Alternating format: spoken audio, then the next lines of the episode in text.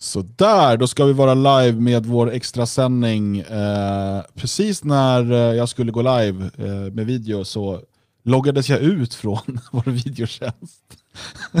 Men jag tror att vi är live med video nu. Eh, det blev, hela, blev mycket konstigt. Men det verkar så, vi är live på Odyssey, tror jag. på D-Live, Periscope och lite sånt. Eh, vi får se helt enkelt. Det blir en spännande eh, dag det här. Ingenting verkar fungera som det ska. Men sånt är livet. Um, vi kör en extra sändning med anledning av det nya numret av Nationalisten som eh, har skickats ut till prenumeranter och nu finns ut som lösnummer som har tema familjen först. Så många av artiklarna handlar kretsar kring familjefrågan, men det finns lite annat eh, smått och gott där i också. Och ska, tänker att vi ska, precis som vi gjorde med förra numret, gå igenom eh, de, eh, de artiklar som finns och så vidare och hoppas att eh, du som redan är prenumerant kanske får lite mervärde och du som inte är det förstår varför den här tidskriften är någonting som bör finnas i varje nationalists hem. Um, så jag tänker att jag, jag, delar med mig av hela, hela tidskriften här på skärmen också så att man får lite en bild. Uh, jag har eh, just nu är uh, Björn Björkqvist och Magnus Söderman, ni står där i studion i Svenskarnas hus och ser redo ut. Absolut, vi är alltid redo här i Svenskarnas hus. Just det, och med utan bild men med ljud har vi Frida. Mm, hej. God dag, god dag, god dag. Eller eh, som Magnus konsekvent kallade henne här i försnacket, kvinnan. det, ja, det jag bara köpte det också. Jag bara, ja, ja, det. ja, det är också man vet att det inte är så många kvinnliga medarbetare när alla kan referera till någon. Det var som, som förr i tiden när det fanns inga Inga jämförelser i övrigt, men förr i tiden när det fanns en neger i staden och man sa negen och alla visste vem det var. Just det. Vad tider det Jo, men kvinnor är lite som negrer. Väl? Sådär, det där är ja. nästa nummer, det ska vi inte prata om nu. Nej, precis. Så var ju det här nu. Familjen. Blir det inte många familjer efter det uttalandet? Nej. Oh, um, och såklart, eh, det här numret finns att beställa på nationalisten.se eller i eh, DFS-butiken på butik.friasverige.se. Eh, men låt oss slå upp här tidningen och ja, den första, det första uppslaget kanske vi inte behöver stanna så länge vid va? Nej, speciellt eftersom att det finns vissa äh, felaktigheter i det. Så, det är bra att du berättar det. Ja, ja, vi var tvungna ingen kommer märka det, ingen kommer märka Nej, det, det sa du, sen berättar du för ett alla. Ett litet Easter egg ja. som vi kallar det här i uh, tidningsbranschen. Ni som har tidningen, ni får hitta felen. Just Mycket det. spännande. Det är en tävling utan vinst, men uh, stor ära och stor förnedring kan vi säga. Jag kan därtill också meddela från redaktionen och uh, samtliga inblandade, om du hittar ett fel i en tryckt tidning, hör inte av dig. Vi kan inte göra ett dugg åt det. Vi vill inte ens veta. Det, det går inte att ändra. Så att, eh, tack för det. Mm. Uh, jag tror att vi också nu har med oss Jalle Horn här. Oj, oj, oj, fel mikrofon har han kopplat in också. Oj, oj, oj. Jalle, Farbror. Jalle. Han sitter och tjuter i hornet. Rödtjutet i hornet. har du helt rödtjutet i hornet, Jalle? Ja, det där fixar han under tiden, det kommer ja. nog bli bra. Tyranniet ska bekämpas och inte bara mamma, pappa och barn. Eh, inte bara mamma och pappa och barn skriver du Magnus. Nej precis. Är det, fått, eh... Rider du eh, till storms för regnbågsfamiljernas framtid? Ja, lite grann kanske. Uh, eller inte riktigt regnbågsfamiljerna kanske, men, men snarare till ett utvidgat begrepp. Jag är lite trött på den här äh, cementerade stela 50-talsidén om kärnfamiljen som som för vissa har fördelar utöver eh, icke-familjen eller liknande. Va? Men idén om att kärnfamiljen på något sätt skulle vara det bästa eller det, det, det lämpligaste, det, det håller jag inte med om. Um, om inte annat så tycker jag att det finns utrymme därutöver för de som eh, lever på eh, andra sätt. Och då tänker kanske du som tittar och lyssnar, vad fan menar han med det? Eh, jo, han menar bland annat eh, att man ska eh, se sina äldre släktingar Eh, också som en del av familjen. Att de ska vara nära en, alltså mormor och morfar, farmor och farfar, man har sådana. Kusiner, alltså ätten snarare. Eh, den stora familjen, släkten. Eh, gärna generationsboenden om det är möjligt, skulle jag kunna tycka är trevligt eh, och, och vettigt. Eh, jag är också för månggifte då, eh, så att det hade inte haft något problem med heller. Nu, nu börjar det spåra ur här känner jag. Nej men jag tänker att här skulle ju då Frida kunna komma in och säga att ja men det är jättebra för det också. Mm, nej, jag är inte med månggifte. Får vi ta den diskussionen vid ett senare tillfälle. Nej men um, alltså att kunna se familjen är inte kärnfamiljen, det är det jag vill ha, ha sagt. Familjen är väl delvis kärnfamiljen? Ja, fast kärnfamiljen har ju blivit ett slagträ eh, idag där traditionella då säger att Nej, men jag är för kärnfamiljen, mamma, pappa och barn. Eh, som en central liksom, enhet. Jo, men, men, men, men det är ju för att vi, den, den försvaras ju gentemot eh, eh liksom onaturliga eh, homosexuella så kallade familjekonstellationer. Jo, jo, precis. Men, men men, någonstans så har ju ändå kärnfamiljen har ju också uppstått någonstans i urbaniseringen som ett slagträ mot, absolut. Mot de ursprungliga storfamiljerna. det är ju, alltså, kärnfamiljen Men- men- men det är är en- fienden. Till, Nej, när någon den säger att de är för kärnfamiljen så menar de ju inte att de är emot mormor. Nej men naturligtvis inte, men vårt jobb är ju att förflytta och fundera och utmana och få människor att tänka ett steg längre. Vi kan inte bara låta dem vara fast i en nej. modernistisk... Men man måste ju, begreppet betyder ju inte... Alltså när någon säger att de är för kärnfamiljen och att, det finns ett, att, att varför kärnfamiljen är viktig, så är det ju just för eh, behovet av att både en mor och en far. Eh, att det, det är det man, man åsyftar. Eh, Absolut. sen kan det vara andra saker. Det är det jag menar att kärnfamiljen, för det är ju kärnfamiljen, det är de som är allra närmast släkt.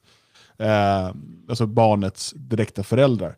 Det är ju kärnan i familjen. Det är ju det som är poängen. Det betyder inte att det är den enda delen av familjen. Nej, nej. Sen, familjen har ju flera lager. Du har, som du var inne på, mostrar och fastrar och eh, morbröder och farbröder och mormor och morfar och så vidare. Men kärnfamiljen, varför den är viktig att hålla intakt, det är ju det som är frågan. Alltså, du har helt rätt i att det inte bara är mamma, pappa barn som är familjen. Men då är det ju som att mm, mm, det betyder inte att man behöver attackera kärnfamiljen, för kärnfamiljen är en del av familjen. Ja, nej, nej, absolut inte. Men man måste ha förståelsen för att själva ordet kärnfamilj till exempel, det, det är ju ett, det är på 1800-talet det dyker upp just som ett man måste förklara hur familjen ska fungera i de stora städerna efter att, efter att det traditionella agrara samhället med storfamiljer och ättesfamiljer har slagit sönder utav modernismen och industrialismen. Och då måste man förklara hur det här ska se ut och då, då hittar man på kärnfamiljen. Och det, man måste förstå den kontexten, för vi får inte nöja oss med kärnfamiljen. Det är det, att, att det är ju ett steg på vägen naturligtvis. Det är en fyrbåk mot de här äh, stjärnfamiljerna som det kallas eh, för idag och liknande. Men det får ju inte vara, så att säga, ehm, det, enda. Eh, Och att man ska, inte, man ska inte luras till att tro att ja, men, här är mamma och pappa och barn, två stycken. Och, och det, vi behöver inga kusiner och mostrar och sådär. Utan vi ska ju försöka få till den här stora. Det är det som jag så att säga är ute och far efter där. Ja, väldigt Eh, lite du- gäller. Väldigt lite. Jag tror att du har helt fel mikrofon vald eller inkopplad. Du använder någon inbyggd mikrofon just nu och inte den här stora fina har framför munnen. Tråkigt. Ehm, hör man mm. ja, alltså man är, det, det jag tänker är också att varför... eh, För, för det som händer med urbaniseringen och industrialiseringen är ju eh, att, och, och framförallt med välfärdsstaten, är ju att den övriga familjen inte längre är ditt ansvar, tycker man.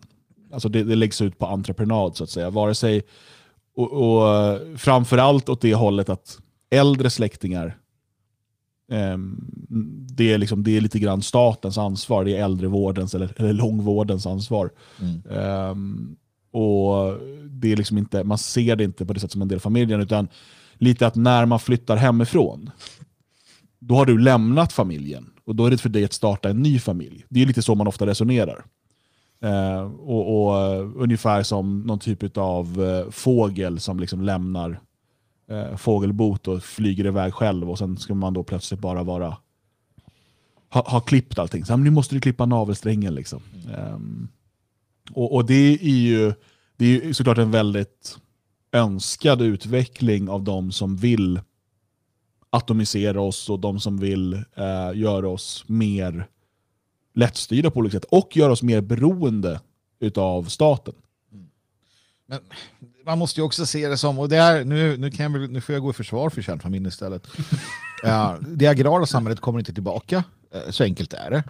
Vi kommer ha en helt annan, eh, som med teknologins utveckling och industrialismen som kom. Och så. Ehm, eh, vi vet inte hur framtiden kommer att se ut, men det vi vet är ju att, att eh, någonstans folk flyttar, man bor i olika länder, det kommer finnas olika stadsstater, det kommer finnas alla möjliga former av mm, möjligheter till liv och så där.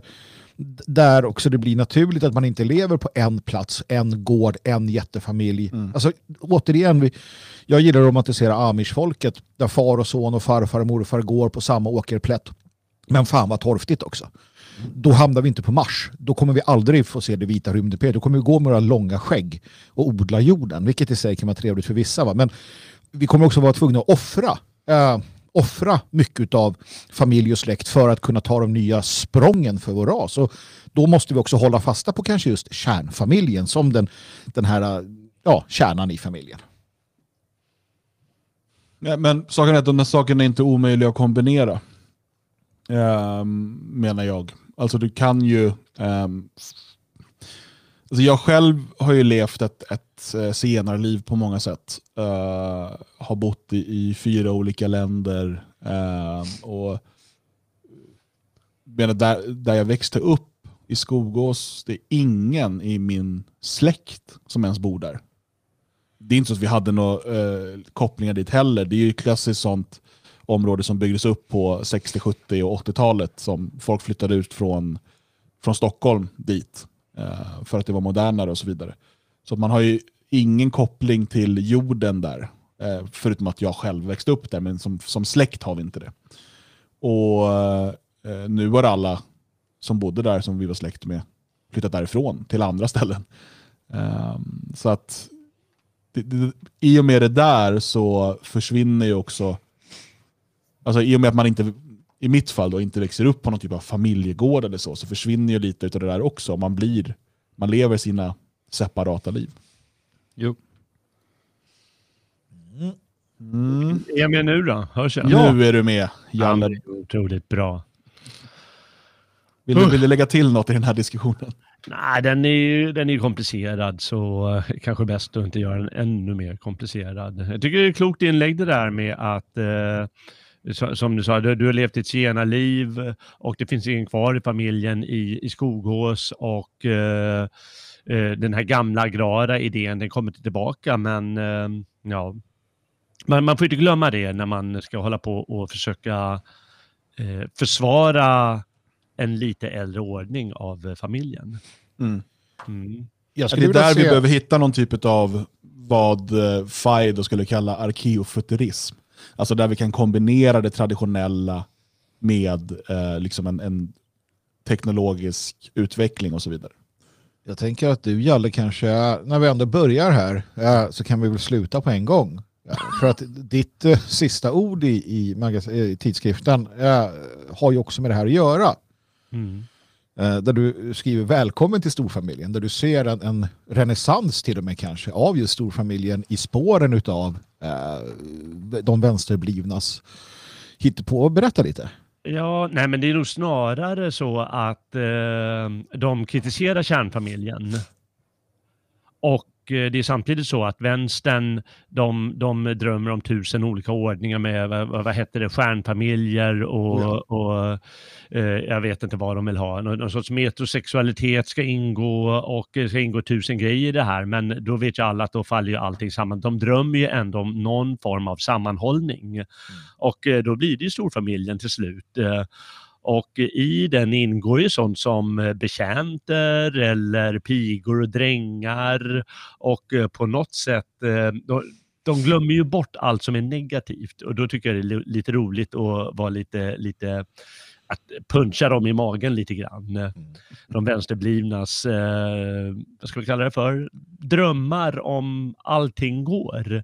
Men det kan ju bli det som, det är i alla fall den gamla storfamiljen, där i ingår det. Så när de drömmer om, ja men det där med Emil, det är ju inte kärnfamiljen. Utan titta, det finns ju massa med moment där. Ja, då ska man inte glömma att det har alltid funnits i en större familj. Och det, det kan ju bli det nya när storfamiljen bara är utspridd på olika platser. Det kan ju varit förr i tiden också. Mm. Eh, att de inte alla bodde på precis eh, i samma hus i samma stad eller samma by eller något sånt. Eh, utan en storfamilj som eh, har lite olika förgreningar på olika platser och där det just ingår eh, olika former av familjeadvokaten och familjeläkaren eller familjeläkarna rent av. Mm. Och det kanske är en sund ordning. Jo men så är det ju. Så är det ju definitivt. Jag kan ju ja, det finns ett foto hemma på gården där jag är uppvuxen eh, från sent 1800-tal. Det var då det åkte runt fotografer och tog bilder. Så att alla hade klätt upp sig och ställt sig utanför huset. Eh, hela familjen då. Eh, Så var det någon liten jävla piga som tyckte att hon skulle också vara med, så hon har sprungit ut den andra dörren och står så här och trycker in till väggen så att, så att hon kommer med på fotot där. Och på så sätt har hon ju blivit förevigad i vår familj. Ja. Eh, tyvärr vet ingen vad hon hette, men hon står där i alla fall och trycker strax bredvid. Eh, så, så kan det också vara. Jag min- Jag minns också, jag läst Hur stor är ri- risken eller chansen att hon är din riktiga farfars mor? Ja.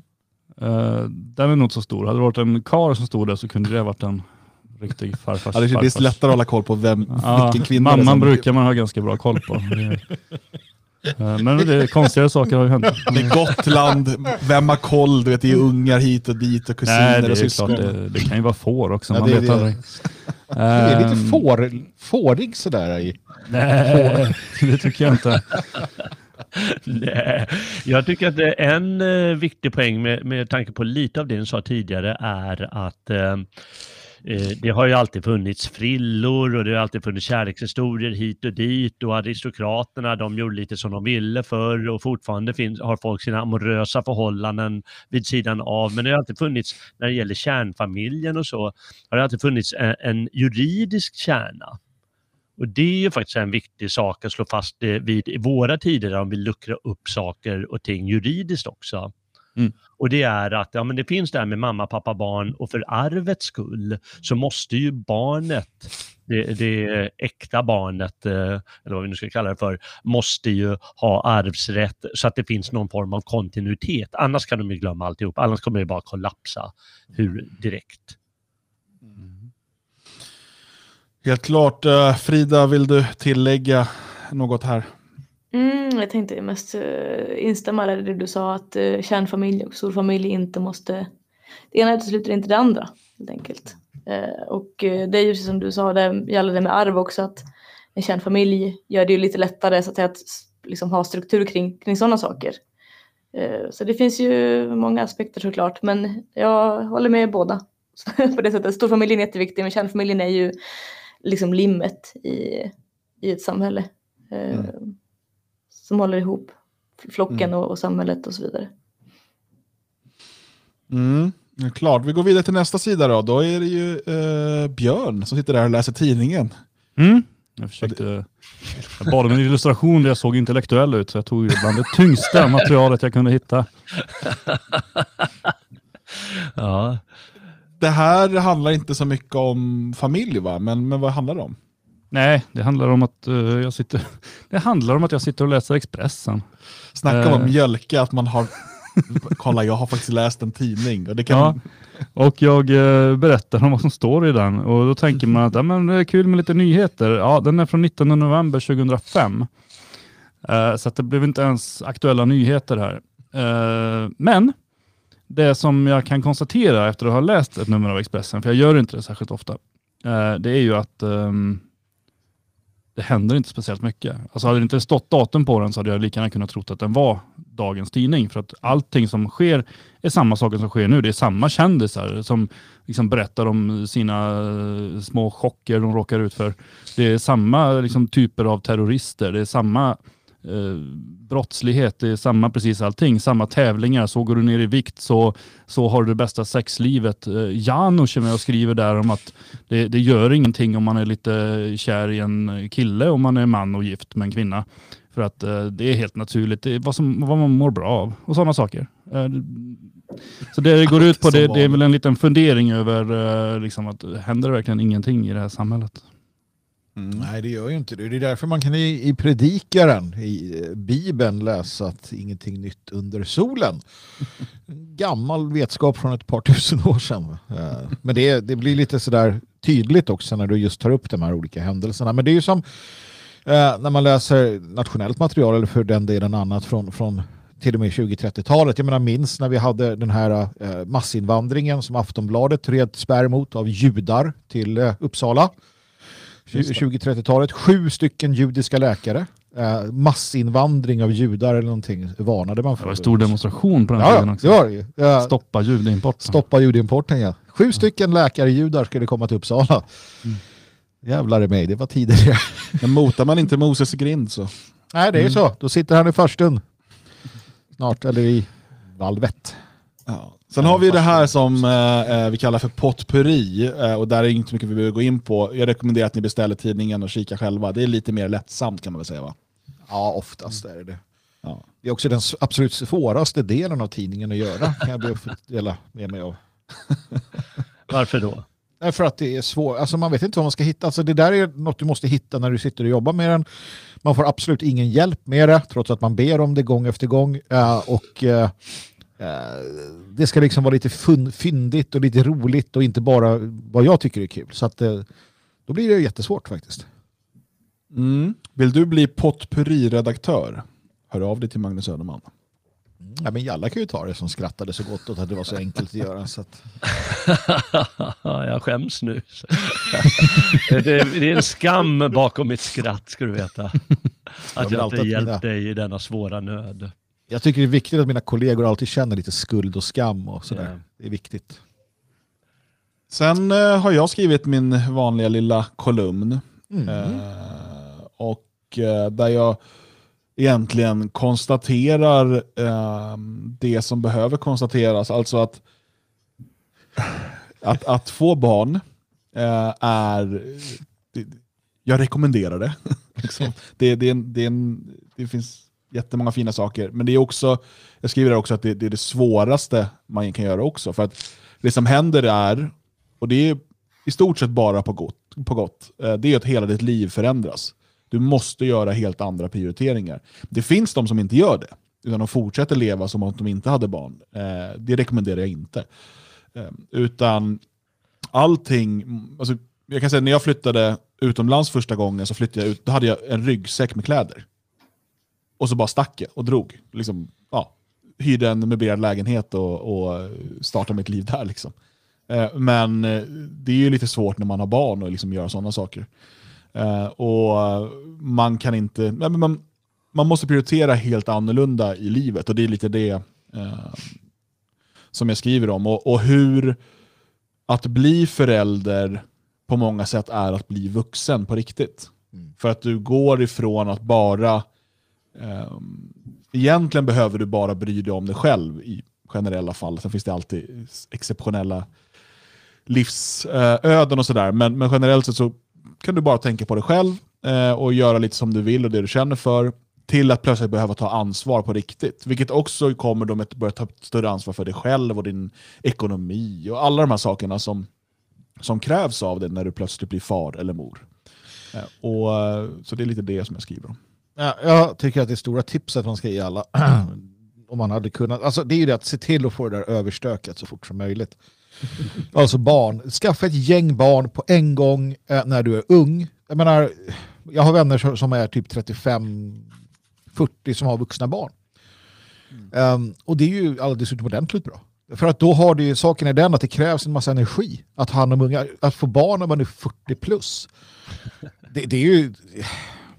Alltså det är inget, jag, jag, tittar på så här Per G Gyllenhammar, han var 80 bast och fick ungar. Nu är han så jävla rik så att han kan ju liksom hyra alla som ska ta hand om dem.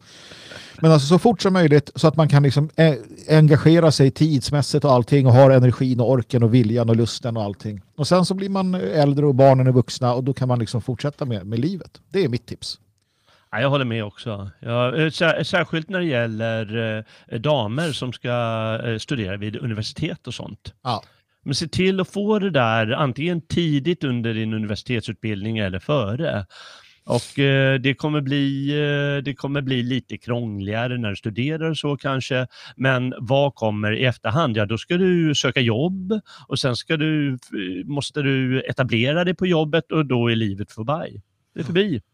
Och då har du klantat bort alltihop. Kanske inte, inte så, va? men då, gör det innan för guds skull. Gör Ja. det innan. Ja, det går fort. Sluta Det går fort.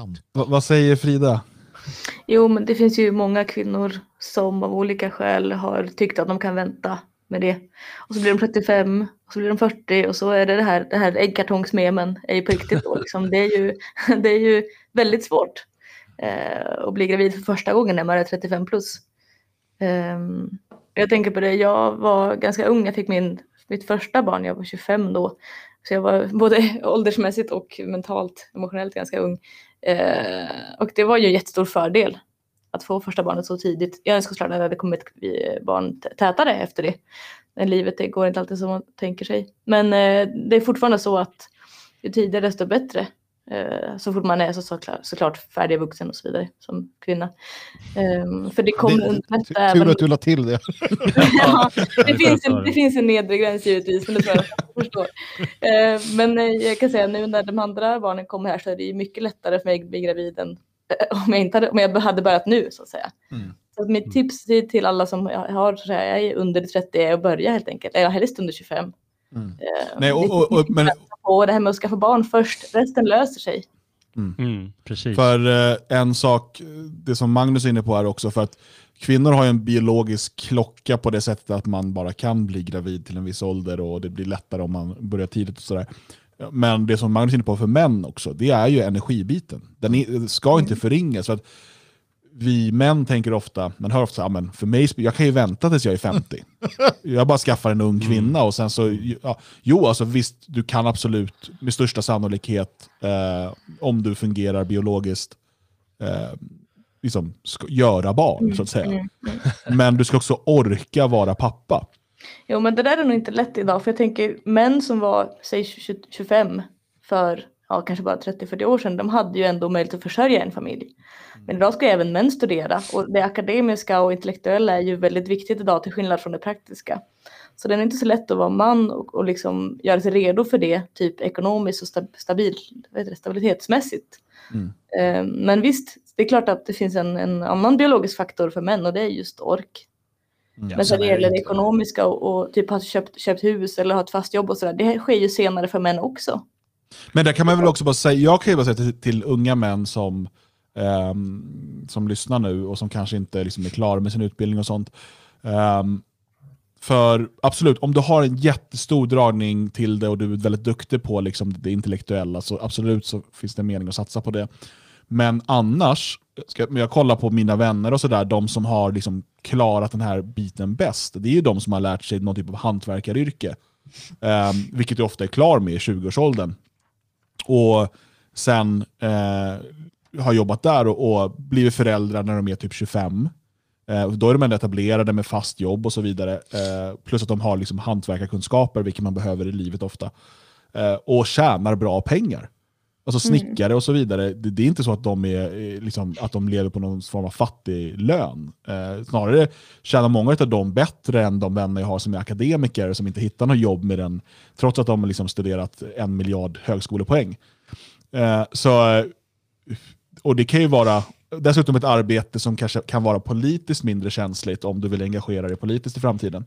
Eh, och sådär. Så att jag skulle rekommendera om du om du känner att det passar för dig, det, det är ju svårt, det är väl upp till var och en, men att istället då på gymnasiet gå någon typ av eh, hantverkarutbildning, eh, göra sin lärlingstid och etablera sig där. Eh, en, och, och- och då kan man faktiskt, då är man så pass ekonomiskt stabil om man gör det här ordentligt, att man vid 25 utan problem kan både köpa hus och, och bilda familj. Visst, det är också så att jag har en eh, bekant som jobbar som asfaltsläggare och det är ju noll mångkultur på de jobben. Det måste ju vara svenskar som jobbar där. Så att man slipper ju mycket. Och de har ju också, en, som du säger, också, det är en helt annan typ av ton. Man kan skoja och skämta och man kan vara öppen med vem man är. Och det är inte så att det, som du säger, det inte politiskt känsligt. Eh, till skillnad från de akademiska yrkena, där är det ju extremt politiskt känsligt. Alltså det är ju nästan avgörande vad, man skulle, vad man röstar på eller vad man tycker och så vidare. Så det är Mm. definitivt ett bra råd till unga män att eh, satsa på. För det är dessutom så att det kommer alltid finnas sådana jobb. Alltså även Mm. om det skulle vara så här corona-kaos i samhället och det skulle rasa samman. Det kommer ju alltid behövas den typen av jobb. Mm. Eh, på ett eller annat sätt. Så att det är absolut. Och man kan också bygga sitt eget då såklart. Om man har de Precis. kunskaperna. Låt mig tillägga en, en Ja. sista grej. Får jag det? Absolut. Eh, och det är ju, du nämner det här med att, vara, eller att bli vuxen. Mm. Och eh, barn, familjen, familjelivet hjälper dig förstås att bli vuxen. Och det betyder att du i sin tur kommer klara andra saker bättre när det gäller arbete och studier. Mm. Alltså du, ska, du får förmågor som du inte hade innan. Mm. Och det ska man verkligen inte förglömma. Det tror jag många glömmer. Jaha, men det är bara jobbigt och så. Nej, se Mm. det som det ger dig erfarenheter och kunskaper. Ja, Men fördelen med att få, som kvinna få barn tidigt är just det att man inte har man har inte byggt upp en massa andra saker, typ en karriär. Eller eh, liksom vana att gå på krogen med tjejkompisar eller vad det än kan vara. Det är liksom, har, man då, har man den vanan att kunna resa och vara fri, då är det jättesvårt att, att tänka sig att ett barn ska komma, säger man 35 kanske. Men det är mycket lättare att göra det när man är ung, för då har man inte de här eh, kanske rutinerna och vanorna och friheten man är van vid och sådär.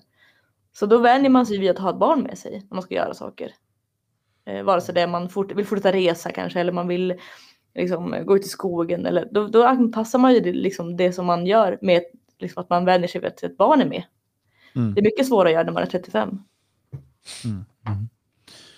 Sen har vi en krönika utav Johan Svensson. Vi hörde inte av han på flera nummer. Redaktör Söderman slet sitt icke befintliga hår. Var är Svenssons krönikor? De är så uppskattade. Och så skickar han in en som heter Bebislyckan. Aha!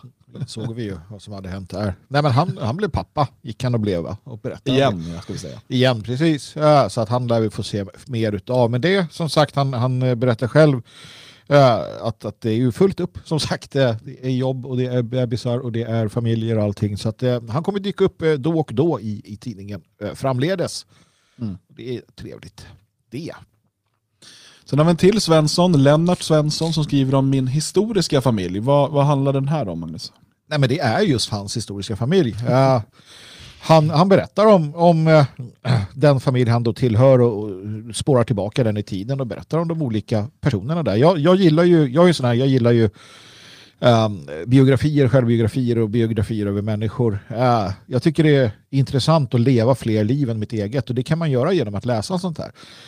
Um, och jag vet inte, det är någonting inom mig som, som uppskattar den typen av berättelser om, om andra människor och deras liv och hur de hade det. Och han, han berättade om hur de hade det uppe i, i eh, Norrland där han kommer ifrån. Åsele, va? Åsele-trakten där. Där jag själv har varit. Bilderna här har jag själv tagit. Eh, I alla fall en av dem. Eh, och sådär. Så att jag, jag, jag gillar det bara helt enkelt. Det kanske inte faller alla på läppen men jag tycker den hade sin plats utan tvekan i, i tidskriften. Ja, det är ju en släktkrönika som jag vet inte, påminner väl lite grann om hur hur typ isländska sagor brukar inledas med att man går tillbaka lite och berättar om vilka som levde före och sådär för att knyta ihop så att man ska få ett sammanhang och förstå vem det är man sen ska få, få höra om. Ehm, och ehm, ja, förhoppningsvis så kan ju även uppmuntra fler att eh, läsa och ta reda på saker om sin egen släkt. Hur många vet liksom om farfars farfars far? Vad hette han? Vem var han? Många har ingen aning och det hoppas jag verkligen att det kan uppmuntra till. Helt klart, eh, läs den jättegärna i eh, Nationalisten. Eh, sen har vi Döden och semlor. Eh, vad kan vi säga om denna, eh, från, denna krönika av Robin Holmgren? Nej, men det, är, det är just eh, alla som Det har handlar om läst. döden och semlor. Ja, det gör ju det. Eh, hur han lyckas binda ihop det ska jag inte berätta. Men, men det gör han. Eh, det, det är både död och semlor på samma dag, till råga på allt. Vilket är intressant kanske i en tid då döden också är sådär skrämmande och långt borta för de flesta. För honom är den uppenbarligen inte det jämt heller. Eh, men det finns alltid tid för semlor också. Det kanske är är lärdomen här. Det finns alltid tid för semlor. Det skulle faktiskt kunna vara vårt livsmotto generellt. Jo, precis. Nej, men han berättar här om, om händelser, en händelse, en dag en händelse eller två händelser. Mm. Hur han reflekterar kring det här med familj och föräldrar och, och livet uh, utefter det. Då. Så att, eh, nej, men det, det är väl värt att, att kika på. Alla som har läst Robins artiklar tidigare känner ju till hur han skriver och hur han, hur han ja, resonerar. Mm. Så att, eh, Ehm, sen har vi då här utav Frida, eh, tack internet som hjälper oss att hålla samman. Nu tänkte vi att du skulle skriva om familj här, det låg ju precis på din, eh, i ditt intressesfär, så handlar det om internet. Vart du en Ja. IT-redaktör plötsligt? Ja, det är väl kanske lite annan sorts familj som jag skrev om. Eh, storfamilj kanske vi ska Ja, säga. precis. En digital storfamilj. Nej, men jag skriver lite om att eh, männen har ju, de nationella männen har ju kommit längre i att bygga sina männerbund och så vidare. Och eh, att det är lite svårare för kvinnor att göra det. Och eh, därför skrev jag ett, liten, ett litet tack till internet helt enkelt för att vi träffas ju mycket där. Eh, I alla fall initialt. Sen så jobbar vi ju såklart på att kunna ta oss ut i världen också. Ehm, Mm. men Det är lite svårare för oss och därför är internet eh, jätteviktigt Mm. just nu. Ja, ännu mer nu när man in, inte kan ha större evenemang och så. Men Mm. jag vet ju att som Damernas dag till exempel, där var det ju många som haft kontakt på internet, vissa i flera år, och som Mm. sågs första gången. Eh, Så den typen av evenemang, jag vet att det planeras fler sådana, väntar lite på att se hur det går med restriktionerna. Men eh, det är ju en sån, ja, så, så man sen också kan träffas utanför de digitala vågorna. Ja, verkligen. Men Så om det- man, eh, om man är en kvinna som har tänkt att nu ska jag titta på det här för att jag vill titta på Björn till exempel. Så de sitter och kollar nu och eh, så hör de talas om det här med internet och det känner de ju till. De har ju varit på internet liksom. Eh, men, men då tänker de kanske att de, de här grupperna som du pratar om, de låter ju spännande. Hur, hur, hur hamnar jag där? Mm. Just nu är det ju mestadels Telegram vi använder eh, för, eh, för grupperna. Eh, och då kan man skriva till mig främst. Jag heter Frida Lind på Telegram. Jag finns ju typ i stort sett alla S- DFS och SEGO-grupper så det går att hitta mig där. Eh, så kan jag lägga till folk helt enkelt. Precis, Eh. enklast då eh, kanske är då att man, om man laddar ner Telegram och skapar sin profil, det går ju till, både till datorn och till telefonen och sådär.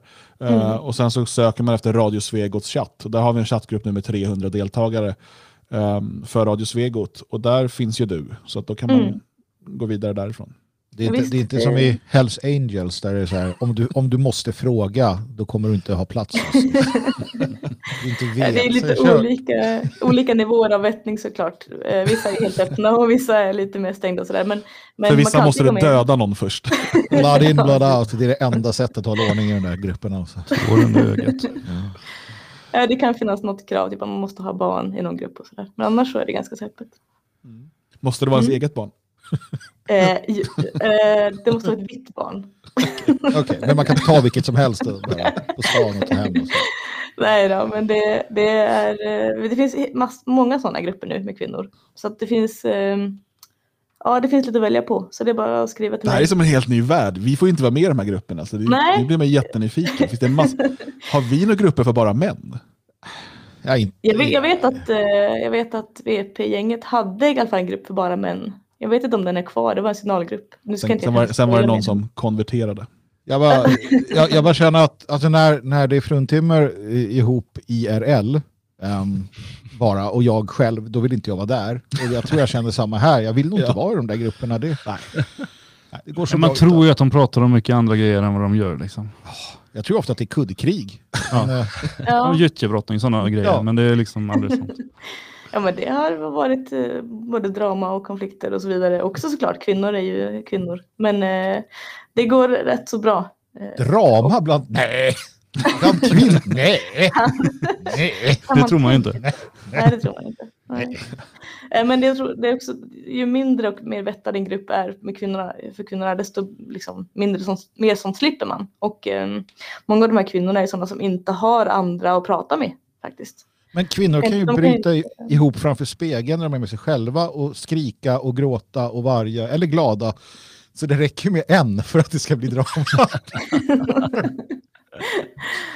Ja, men det är, också, det är också en intressant aspekt på de här grupperna för att vi pratar ju väldigt mycket om hur kvinnor är. Ja. Ehm, och det hjälper ju oss att liksom, alltså stoicism är en ganska stor grej som vi pratar mycket om just för att vi tycker inte om känslomonsterdelen av oss själva. Ehm, Mm. Och framförallt inte när man har så starka känslor och man inte kan liksom kontrollera sitt känslouttryck och sådär. Så det handlar, alltså vi pratar väldigt mycket om det. Eh, och det är en diskussion jag ofta försöker föra också för att jag tycker själv inte om liksom, när kvinnor eh, reagerar på saker och liksom inte kan ha distans till det. Det här med distans till ens känslor och liksom kan hantera sina känslor, det är en jätteviktig del för att vara, för, hos, alltså för att vara kvinna och för att kunna vara bra som kvinna. För känslorna är jätteviktiga, det är det som är vår kompass som kvinnor. Men när de tar, tar över så då tappar man ju styrseln och, eh, och fotfästet och så. Um, så det är någonting vi, vi, jag tror alla vi som brukar prata om det, vi jobbar med det väldigt mycket med oss själva. Jag tänker, eh, Dan har plockat fram en, en ny artikel där, uh, så jag vill bolla över till Jalle, men då måste jag ställa frågan rakt ut. Var det, var det Strindberg eller Nietzsche som sa att ska du besöka kvinnor, ta med dig piska? Ja, det var Nietzsche. Det var Nietzsche, okay. ja. Det var därför han aldrig fick några kvinnor i slutet. Han glömde att köpa piska på vägen. Han förstod inte det där med dating riktigt. Han missat den delen. Han hade inte internet heller. Strindberg, Jalle Horn, den gamla socialistiska familjehataren ska vi tydligen läsa om. Varför det? Jag vill först påpeka att det är roligt att du har valt den här bilden. Så Strindberg och familjen. Och så sitter han vid skrivbordet fullt med böcker och tänker jag vill inte ha några barn eller kvinnor i närheten. Nej, men jag, jag, Nej, han har ju foto på en dotter eller något ja, men jag identifierar mig med den här bilden. För det här är min idealbild av familjen. Ah, ja. Att far får vara för sig själv, han får studera, skriva, han har en liten korg med bakverk eller liknande. Sen kan han gå ut till familjen som sitter tyst och fin och lugn. Mm. Jag vet inte om ni har sett filmatiseringen utav, eh, fantastisk filmatisering utav eh, Stolthet och fördom, den, den senare med Keira Knightley. Mm. Eh, där pappan spelas i familjen och pappan spelas av, kommer jag inte ihåg vad han heter, men han har också sitt arbetsrum där han sitter och sen så håller döttrarna på och tjattrar och mamman och det är härj. Men han har sitt rum, där sitter han och läser sin tidning. Det är liksom uh, ja, definitionen därför tycker jag den var passande. Ah, ja, okay. ja. Han gillar ju fotografier och uh, han har ju flera, gjort flera fotografier med familjen samlad. Men uh, här är familjen samlad på bästa sätt enligt dig. Ja, men det är bra att höra. Nej, Strindberg, han, eh, han är ju känd som kvinnohatare. Han hade ju tre stycken hustrur och alla lämnade honom. Men det var ju inte för att han hatade dem, det var ju för att han hade för starka känslor. Jag vet problemet. Du vet problemet. Det är bra. Passionerad. Ja, nej, men han eh, är ju i familjesammanhang framförallt känd för sin novellsamling, eller sina två novellsamlingar, Giftas 1 och 2. Och där eh, är ju huvudtemat eh, att eh, det här moderna påfundet som kvinnosakskvinnorna kom med, att angripa familjen och att eh, kvinnan, det är jobbigt att hon ska föda barn och allt vad de hittar på, det är dumheter. Eftersom naturen eh, den har gjort så att eh, kvinnor och män de har lite svårt att komma överens, men när barnet kommer då löser det sig. Och allt som skapas på naturlig väg, det kan vi med våra andliga påhitt, är hans idé, att ah, men det där med barnen, jag ska arbeta nu, jag måste göra karriär eller ah, men det, det får vänta eller det behövs inte eller vad som helst. När du med dina idémässiga eh, tankar försöker påverka anden eller naturen menar jag, det som är grundmurad natur, då kommer du råka illa ut och alla kommer bli olyckliga. Mm. Och därför måste vi bejaka familjen istället. Mm. Och då har jag med en, en av flera noveller eh, som, som kommer efter, eh, som mm. heter, ja vad heter den nu igen? Eh, naturhinder. Den heter Naturhinder, ja precis. Ja, naturhindret är ju barnet som kommer förstås. Mm. Mm. Och det är ju inte ett hinder utan det hjälper dem ju tvärtom. Och han är ju ganska rolig och så och snärtig och träffar ganska bra tycker jag, Strindberg. Så man ska definitivt, om man är familjevän, då ska man faktiskt ta och läsa det. För han har många bra argument eh, genom de här, hur man ska få familjen att hålla ihop istället för feministernas idéer. Mm jag, jag, tycker det är viktigt att komma ihåg här, jag ut, ut, gick ju ganska tidigt här från att han var ELA, socialist och allt möjligt. Jag vill bara säga det att vad det gäller Strindberg, eh, det finns ju en sida av honom som kanske inte så ofta kommer fram, eh, framförallt inte eftersom de som tog honom till sig inte vill det. Men vi ska komma ihåg, och det här är lite sån här äh, fantastisk fakta.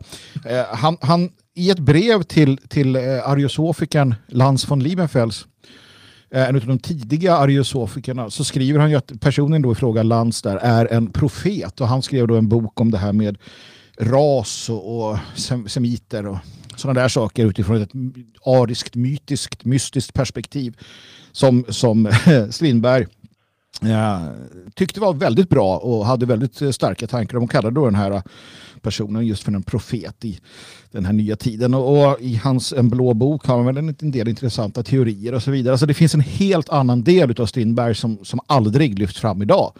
Det är rasisten Strindberg, det är antisemiten ja, men, Strindberg. Chandala.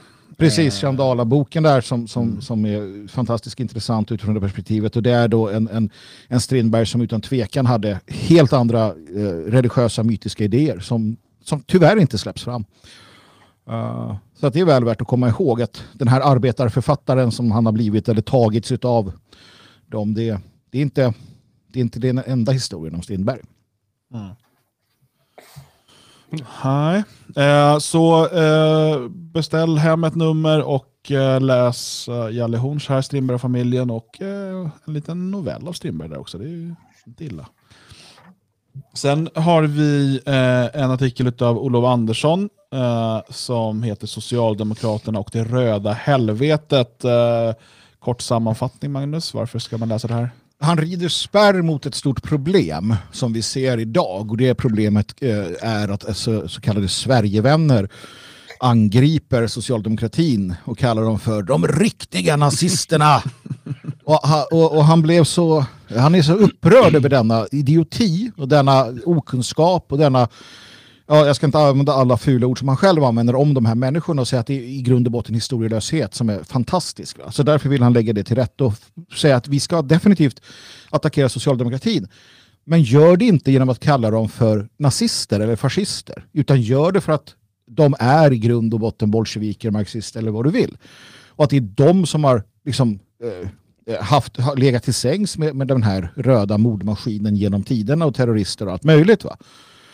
Uh, lite är det som att han står och skriker i en ödemark för de här Sverigevännerna som har tagit till sig den här uh, idiotiska idén. De vill, de vill se klipp på internet där någon gubbe säger att det är så här. De vill inte läsa tyngre artiklar.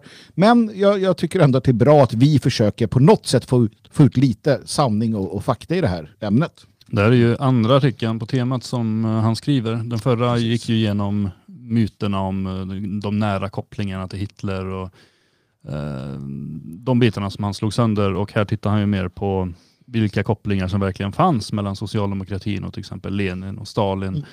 Och, och, hur man eh, medverkade till bolsjevikrevolutionen. Eh, han tar upp lite grann om Amalthea-händelserna. Han plockar upp eh, de här sovjetiska bensinmackarna som fanns, samarbete med eh, Stanna Där bara. Stanna där bara. Alltså, hör, vad sa du Björn? Sovjetiska bensinmackar i Sverige. Ja. Ja, alltså hur många vet det? Missa inte heller Sveriges alltså, starka samarbete med DDR när det gäller mm. skolväsendet. Ja, precis. Ja, även journalister. Många journalister åkte dit och fick sin skolning där. Eller de, Klock, den statliga hamburgerrestaurangen. Fan. Det var det de som hade så himla goda hamburgare? Det är möjligt. DDR. En smak av död. Ja.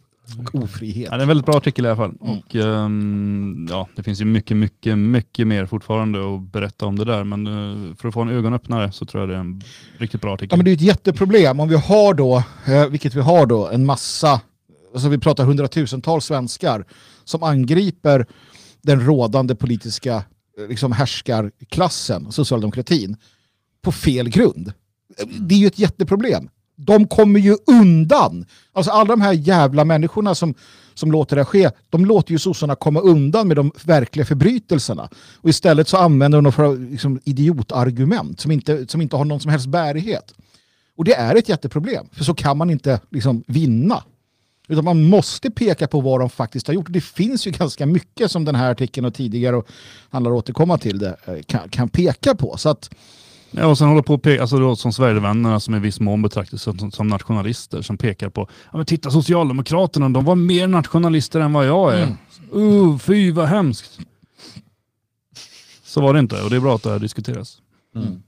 Nej, och sen, sen just det här som han konstaterar, vilket är skrämmande i sig, att Socialdemokraterna har i, i det stora hela lyckats förverkliga eh, den här totalitära samhällsmodellen som är bolsjevikerna, kommunister. Alltså den är på riktigt, också i Sverige idag.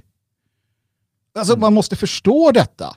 Nu låter jag igen som en sån här jävla kontra från 80-talet. Men, men alltså, det är ju så. Palmes spöke, jag menar, de har lyckats. Så att vi måste förstå att vi är solidaritet. Vi måste slå tillbaka mot den här totalitära regimen, den här, det här kvävande samhällssystemet, den här liksom röda, det här röda helvetet som, som plågar oss. Mm. Bra sagt. Sen skriver eh, Joakim Andersén, också känd som Oscar Rey, om Ernst von eh, Salomon eh, som eh, han, han, själv finner väldigt, väldigt bra och eh, som absolut är en eh, intressant eh, författare eh, från framförallt från Weimar republikstiden va? Mm. Som han var eh, väldigt aktiv. Precis, en frikorist, inte soldat på det sättet utan snarare då frikorist som, som uh, slogs mot det, den röda faran uh, utifrån, utifrån den tidens paramilitära rörelser. Intressant. Uh, alltså, han skriver ju om honom, uh, och jag vill bara kort skriva, eller kort läsa vad han skriver, för det här fick jag, måste få alla att vilja läsa om Ernst Salomon. Uh, han skriver så här att typiskt för hans inställning är att han som svar på segermaktens fråga, är du nationalsocialist? hade svarat, nej, jag är mördare. uh, Ernst von Salomon är alltså den, den totala uh, motståndsmannen, alltså den, alltså egentligen besjälad av liksom en, en djup nation, en nästan religiös nationalism. Inte politiska idéer utan en, en, en förbindelse med folket, med nationen, med liksom det. Så här, nej, jag är inte nazist, jag är, inte någon, jag är mördare, jag, jag dödar fiender. Ja, det, det, är fascinerande, eh, den typen av, av eh, människor och resonemang faktiskt. Mm. Och eh, den här äh, det frågebågen, eh, för, förhörsrull, vad heter det på svenska? Fråga frågeformulären heter det inte. Ja, ähm, är också intressant som ju handlar om denazifieringen mm. äh, och liksom det, det, totalitära förtryck som den liberala demokratin äh, utövade äh, mot tyskarna. Mm. Ähm, sen har vi Henrik Jonasson konstnären som skriver Gamle gubben Oden. eh, på, på det sätt som bara han kan beskriva Oden. Eh, och alltid lika rolig läsning. Eh, och sen har vi Jalles sista ord här och de har vi varit inne på. Eh, så där har vi det senaste numret utav eh, Nationalisten. hur känner du redaktör Söderman? Blev du nöjd med det eller? Jo men det blev jag. Jag, jag är ju nöjd med alla nummer. Uh, sen är det svårt att... Uh, de, de, har ju olika teman.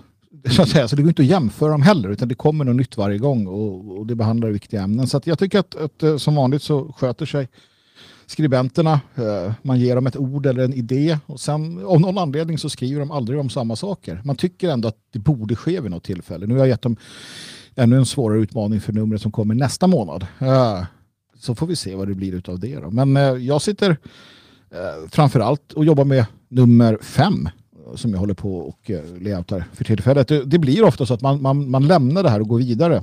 Mm. Uh, jag måste ju sätta mig och titta det här innan vi har dem. Jag har glömt bort det. Nämligen. Du sitter väl och jobbar med nummer sex nu? Uh, just det, så nummer sex jobbar med. Fem ska komma. Ja, just det. Ja. ja det är, man är alltid före och efter. Ja. Så. Men, eh, Jobbar med flera nummer. Precis. Eh, men vi har ju också då... Jag kan säga bara kort ja. att jag tyckte först när jag korrekturläste tidningen så tyckte jag att eh, den var bra, men jag tänkte att nej, men det här är nog inte den bästa för att vi har haft så fantastiskt hög nivå. Mm.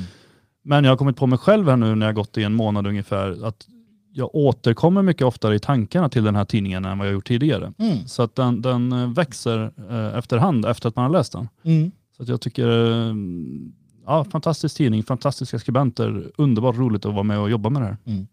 Sen har vi börjat få tillbaka, eh, vi, vi, vi eh, gav ju bort då, eller hade provexemplar, hundra stycken gick ut, utav, vilket nummer var det? Det var förra numret. Förra numret, ja. Ja, och där har svaren börjat komma från läsarna då som testade på. Och de, många är väldigt, eh, alla utom en eh, var väldigt positiva. En skrev, det här är ingenting som jag vill läsa. och det är helt okej. Okay. Uh, det är inte för alla. Uh, och så så att, uh, nej, men det är bra feedback och sådär. En skrev, jag kan inte läsa. Precis. kan bara skriva.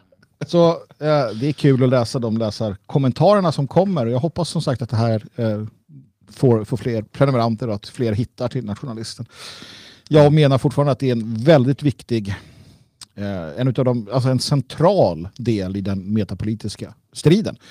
Eh, även om det inte når till lika många som en en text på internet. Men det är det här som formar eh, oppositionen. Inte twittrar eller alltså tweets eller liksom kortare eh, känslomässiga uttryck. Det formar inte på samma sätt som en, en tidskrift gör. Nej, eh, som sagt, beställ hem ett nummer, eh, det här numret, eller om det är något annat nummer som intresserar dig extra, eller alla nummer om du känner för det. Jag tror att det finns, jag tror att det finns exemplar kvar av varje nummer, men det börjar väl sina på de första va? Ja, det bör det göra. Det, det kan finnas. Jag, jag, är inte helt säker på det. Man får kolla på nationalisten.se under tidigare utgåvor. Se till att, det är som Pokémon, samla alla. Precis. eh, och eh, Tycker du att det här är bra, att det är viktigt, att det finns en nationalistisk tidskrift, det här är den enda i Sverige, eh, så eh, teckna en prenumeration så får du numren fem först av alla ut, direkt i brevlådan eh, och hjälper till att stödja utgivningen av det här. Mm inte att förglömma. Men nu får vi väl bara tacka för uppmärksamheten och eh, säga att eh, vi eh, på Radio Svegot sänder ju redan 20.00 ikväll veckans hädelser. Imorgon bitti är det eh, Sverige vaknar klockan 8 på morgonen och 20.00 är det passningen och på fredag är det fredagstinget och på söndag är det kvinnofällan. Ni vet det är fullt upp på Radio Svegot. Um, ehm, och vi kanske kommer ut med en till extra sändning när nästa nummer har varit ute ett tag. Uh, men tills nästa gång, ha det riktigt fint.